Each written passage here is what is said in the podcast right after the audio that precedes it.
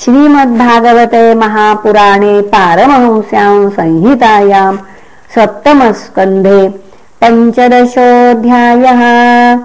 नारद उवाच कर्मनिष्ठा द्विजा केचित् तपोनिष्ठा नृपापरे स्वाध्यायेन्ये प्रवचने ये केचिज्ञानयोगयोः ज्ञाननिष्ठाय देयानि कव्यान्यानन्त्यमिच्छता। दैवे च तदभावे स्यादितरेभ्यो यथार्हतः। द्वौ दैवे पितृकार्ये त्रीणैकैकमुभयत्र वा। भोजये सुसंसु पुनः भोजये सुसमृद्धोऽपि श्राद्धे कुर्यान्न विस्तरम् देशकालोचितश्रद्धा द्रव्यपात्रार्हणानि च सम्यग् भवन्ति नैतानि विस्तरात् स्वजनार्पणात्। तेषे काले च सम्प्राप्ते मुन्नन् पुनः मुन्यन्नम् हरिदैवतम् श्रद्धया विधिवत्पात्रे न्यस्तम् कामधुगक्षयम् पितृभूतेभ्य आत्मने स्वजनाय च अन्नं संविभजन् पश्येत्। सर्वं तत्पुरुषात्मकम् न दद्यादामिषं श्राद्धे न चाद्याद्धर्मतत्त्ववित्। मुन्यन्नैः स्यात् परा प्रीतिर्यथा। न पशुहिंसया नैतादृशः परो धर्म नृणां सद्धर्व। पुनः सद्धर्ममिच्छताम् न्यासो दण्डस्य भूतेषु मनोवाक्वायजस्य यः। एके कर्ममयान् यज्ञान् ज्ञानिनो यज्ञवित्तमाः। आत्मसंयमने निहा जिह्यति ज्ञानदीपिते द्रव्ययज्ञैर्यक्षमाणां दृष्ट्वा भूतानि बिभ्यति। एष मा करुणो ह्यन्याददज्ञो यसुतृध्रुवम् तस्माद्दैवोपपन्नेन मुन्यन्नेनापि धर्मवित्। सन्तुष्टो हरः कुर्यान्नित्यनैमित्तिकीः क्रियाः विधर्मः परधर्मश्च आभास उपमाचलः।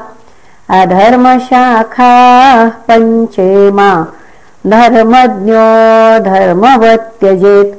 धर्मबाधो विधर्म स्यात्।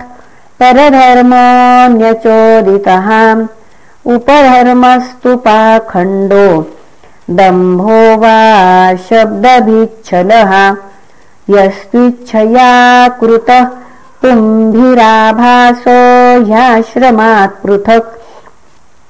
स्वभावविहितो धर्म कस्यज्ञेष्टः प्रशान्तये।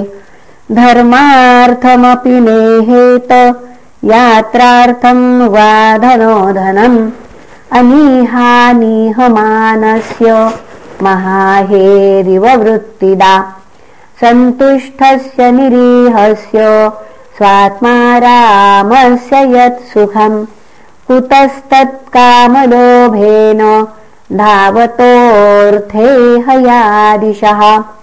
सदा सन्तुष्टमनस सर्वा सुखमया दिशः शर्कराकण्टकादिभ्यो यथोपानत्पदः शिवम् सन्तुष्ट केन वा राजन्न वर्तेतापि वारिणा। औपस्थ्यजैहव्यकार्पण्याद गृहपालायते जनः। असन्तुष्टस्य विप्रस्य तेजो विद्यातपो यशः। स्रवन्तीन्द्रियलौल्येन ज्ञानं चैवावकीर्यते। कामस्यान्तं चक्षुतृभ्यां क्रोधस्यैतत्फलोदयात्। जनो याति न लोभस्य। जित्वा भुक्त्वा दिशो भुवः। पण्डिता बहवो राजन् बहुज्ञा संशयच्छिदः। सदसस्पतयोपेके असन्तोषात् पतन्त्यधः असङ्कल्पाज्जयेत् कामम् क्रोधम् कामविवर्जनात्। अर्थानर्थे क्षयालोभम् भयम् तत्त्वावमर्शनात्। आन्वीक्षित्या शोकमोह दम्भम् महदुपासया योगान्तरायान्मौनेन हिंसाम् कायाद्यनीहयाम् कृपया भूतजम् दुःखम् दैवम् जह्यात् समाधिना। आत्मजम् योगवीर्येण निद्राम् सत्त्वनिषेवया। रजस्तमश्च सत्त्वेन सत्त्वम् चोपशमेन च एतत् सर्वम् गुरौ भक्त्या। पुरुषो झञ्जसा यजेत्। यस्य साक्षात् भगवति ज्ञानदीपप्रदे गुरौ मर्त्यासद्धीश्रुतम् तस्य।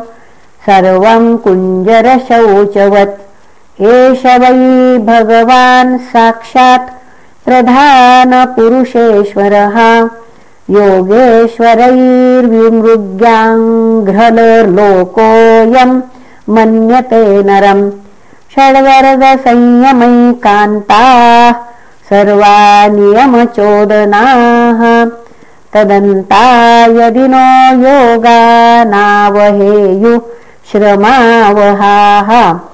अथा वार्तादयो ह्यर्था योगस्यार्थम् न बिभ्रति अनर्थाय भवेयुस्ते पूर्तमिष्टम् तथा सतः यश्चित्तविजये यत्तः स्यान्निःशृङ्गोपरिग्रहः। एको विविक्तशरणो भिक्षुर्भिक्षामिताशनः। देशेषु चौ समे राजन् संस्थाप्यासनमात्मनः शिरम् समम् सुखम् तस्मिन्नासीत्तर्ज्वङ्ग ओमिति। प्राणापानो सन्निरुन्धात् पूरकुम्भकरे च कैः। यावन्मनस्यत्यजेत्कामान् स्वनासाग्रनीक्षणः। यतो यतो निःसरति मन कामहुतम्। भ्रमत् ततस्तत उपाहृत्य हृदिरुन्ध्याच्छनैर्बुधः एवमभ्यसतश्चित्तम् कालेनाल्पीयसायतेः।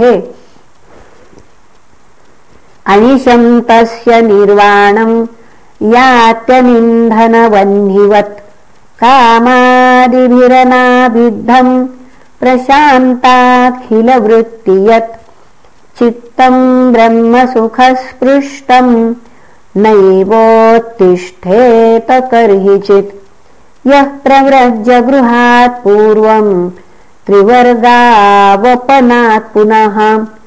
यदि सेवेत तान् भिक्षु स वैवान्ताश्यपत्रपः यै स्वदेहस्मृतोऽनात्मा मर्त्यो वित्कृमिभस्मसात्। त एनमात्मसात् कृत्वा श्लाघयन्ति ह्यसत्तमाः गृहस्थस्य क्रियात्यागो व्रतत्यागो वटोरपि। तपस्विनो ग्रामसेवा भिक्षोरिन्द्रियलोलताम्। आश्रमापा। पुनः आश्रमापसदाह्येते। खल्वाश्रमविडम्बकाः देवमायाविमूढंस्तानुपेक्षेतानुकम्पया। आत्मानम् चेद्विजानीयात्। परम् ज्ञानधुताशयः। किमिच्छस् पुनः किमिच्छन् कस्य वा हेतोर्देहम् पुष्णाति लम्पटः आहुः शरीरम् रथमिन्द्रियाणि मन इन्द्रियेशम्। वर्त्मानि मात्राधिषणाम् च सूतम्। सत्त्वम् बृहद्बन्धुरमीशसृष्टम्। अक्षम् दशप्राणमधर्मधर्मौ चक्रेऽभिमानम् च जीवम् धनुर्हितस्य प्रणवम् पठन्ति शरन्तु जीवम् परमेव लक्ष्यम् रागो द्वेषश्च लोभश्च शोकोमोहौ भयम् मदः।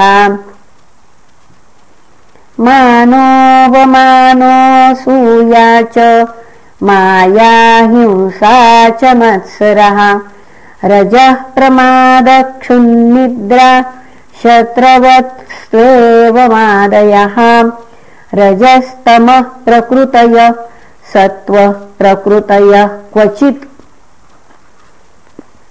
यावन्न कायरथमात्मवशोककल्पम् धत्ते परिगरिष्ठचरणार्चनया निशातम् ज्ञानासिमच्युतबलो दधदस्तशत्रुः स्वाराज्यतुष्ट उपशान्त इदम् विजह्यात् नो चेत्प्रमत्तमसदिन्द्रियवाजिसूताम् नीतोत्पथम् विषयदस्युषु निक्षिपन्ति ये दस्य तमोन्धे संसारकूप उरुमृत्युभये क्षिपन्ति। प्रवृत्तम् च निवृत्तम् च द्विविधम् कर्म वैदिकम्। आवरतेत प्रवृत्तेन निवृत्तेनाश्रुते मृतम्। हिंस्रम् द्रव्यमयम् काम्यमग्निहोत्राद्यशान्तिकम् दर्शश्च पूर्णमासश्च। चातुर्मास्यम् पशुः सुतः। एतरिष्टम् प्रवृत्ताख्यम्। हुतम् प्रहतमेव च। पूर्तम् सुरालया राम। कोपाजीव्याधिलक्षणम्। द्रव्यसूक्ष्मविपाकश्च धूमो रात्रिरपक्षयः अयनम् दक्षिणम् सोमो दर्श ओषधिविरुधः। अन्नम् रेत इति क्ष्मेष पितृयानम् पुनर्भवः। एकैकश्येनानुपूर्वम् भूत्वा भूत्वेह जायते निषेकादिश्मशानान्तैः संस्कारैः संस्कृतो द्विजः। इन्द्रियेषु क्रियायज्ञान् ज्ञानदीपेषु जिह्यति इन्द्रियाणि मनस्यूर्मौ वाचि वैकायिकम् मनः। वाचम् वर्णसमाम्नाये तमोङ्कारे स्वरे न्यसेत्। ओङ्कारम् बिन्दौ नादे तन्तु प्राणे महत्यमुम् अग्निः सूर्यो दिवा प्राभो शुक्लोराकोत्तरम् स्वराट्।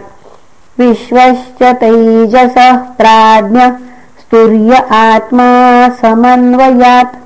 देवयानमिदम् प्राभुर्भूत्वा भूत्वानुपूर्वशः।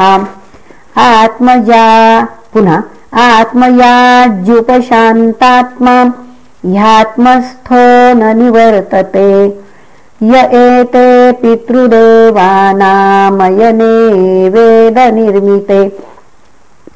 शास्त्रेण चक्षुषा वेद जनस्थोऽपि न मुह्यति। आदावन्ते जनानाम् सत् बहिरन्तः परावरम् ज्ञानम् ज्ञेयम् वचो वाच्यम् तमो ज्योतिस्त्वयं स्वयम् आबाधितोऽपि ह्याभास यथा वस्तुतया स्मृतः। दुर्घटत्वादैन्द्रियकम् तद्वदर्थविकल्पितम् क्षित्यादीनामिहार्थानाम् छायानकतमापि। न सङ्घातो विकारोऽपि न नान्वितो मृषा। धातवो वयवित्वाच्च तन्मात्रावयवैर्विना न स्युरिह सत्यवयविन्यसन्नवयवोऽन्ततः। स्यात्सादृशभ्रमस्तावद् विकल्पे सति वस्तुनः। जाग्रत्स्वापो यथा स्वप्ने तथा विधिनिषेधता। भावाद्वैतम् क्रियाद्वैतम् द्रव्याद्वैतम् तथात्मनः वर्तयन् स्वानुभूतेः त्रिन् स्वप्नान्धुनुते मुनिः कार्यकारणवस्तैक्यमर्शनम् पटतन्तुवत् अवस्तुत्वाद्विकल्पस्य भावाद्वैतम् तदुच्यते। यद्ब्रह्मणि परे साक्षात् सर्वकर्मसमर्पणम् मनोवाक्तनुभिः पार्थ क्रियाद्वैतम् तदुच्यते आत्मजाया सुतादीनामन्येषाम् सर्वदेहिनाम् यत्स्वार्थकामयोरेकम् द्रव्याद्वैतम् तदुच्यते। यद्यस्य वा निषिद्धम् स्यात् येन यत्र यतो नृप स तेनेहेतकर्माणि नरो नान्यैरनापदि एतैरन्यैश्च वेदोक्तैर्वर्तमान स्वकर्मभिः गृहेऽप्यस्य गतिम् यायाद् राजंस्तद्भक्तिभाङ्नरः यया हि यूयम् नृपदेवदुस्त्यजादापद्गणा दुत्तरतात्मनः प्रभोः। यत्पादपङ्केरुहसेवया भवामहार्षिन्निर्जितदिग्गजः क्रतुन्। अहम् पुरा भवम् कश्चित् गन्धर्व उपबर्हणः। नाम्नातीते महाकल्पे गन्धर्वाणाम् सुसम्मतः। रूपपेशलमाधुर्य सौगन्ध्यप्रियदर्शनः। स्त्रीणाम् प्रियतमो नित्यम् मत्तस्तु पुरुलम् पटः एकदा देव सत्रे तु गन्धर्वाप्सरसाम् गणाः। उपहूता विश्वसृग्भिर्हरिगाथोपगायने अहम् च गायंस्तद्विद्वान् स्त्रीभिः परिवृतो गतः। ज्ञात्वा विश्वसृजस्तन्मे हेलनम् शे पुरोजसा या हि त्वम् शूद्रतामाशु नष्टश्रीः कृतहेलनः तावद्दास्यामहम् जज्ञे तत्रापि ब्रह्मवादिनाम् शुश्रूषयानुषङ्गेन प्राप्तोऽहम् ब्रह्मपुत्रताम् धर्मस्ते गृहमेधीयो वर्णितः पापनाशनः। गृहस्थो येन पदवीमञ्जसा न्यासिनामियात्। यूयम् रुलोके बत भूरिभागा लोकम् पुनानामुनयोऽभियन्ति। येषाम् गृहाना वसतीति साक्षात् गूढम् परम् ब्रह्ममनुष्यलिङ्गम्। स वा अयम् ब्रह्म महद्विमृग्यम् कैवल्यनिर्वाणसुखानुभूतिः। प्रियः सुहृद्वः खलु मातुलेय। आत्मार्हणीयो विधिकृद्गुरुश्च। न यस्य साक्षाद्भवपद्मजादिभिः रूपम् धिया वस्तुतयोपवर्णितम् मौनेन भक्त्योपशमेन पूजितः स सात्वताम् पतिः। श्रीशुक उवाच इति देवर्षिणा प्रोक्तम् निशम्य भरतर्षभः। पूजयामास सुप्रीत कृष्णम् च प्रेमविह्वलः। कृष्णपार्थावपामन्त्र्य पूजितः प्रययौ मुनिः। श्रुत्वा कृष्णम् परम् ब्रह्म पार्थ परमविस्मितः। इति दाक्षायणीनान्ते पृथग्वंशाः प्रकीर्तिताः। देवासुरमनुष्याद्या लोका यत्र चराचराः इति श्रीमद्भागवते महापुराणे वैयासिक्यामष्टादशसाहस्र्याम् पारमहंस्याम् संहितायाम् सप्तमस्कन्धे प्रह्लादानुचरिते युधिष्ठिरनारदसंवादे सदाचारनिर्णयो नाम पञ्चदशोऽध्यायः इति सप्तमस्कन्धः समाप्तः। हरिः ॐ तत्सत्। श्रीकृष्णार्पणमस्तु। हरये नमः। हरये नमः। हरये नमः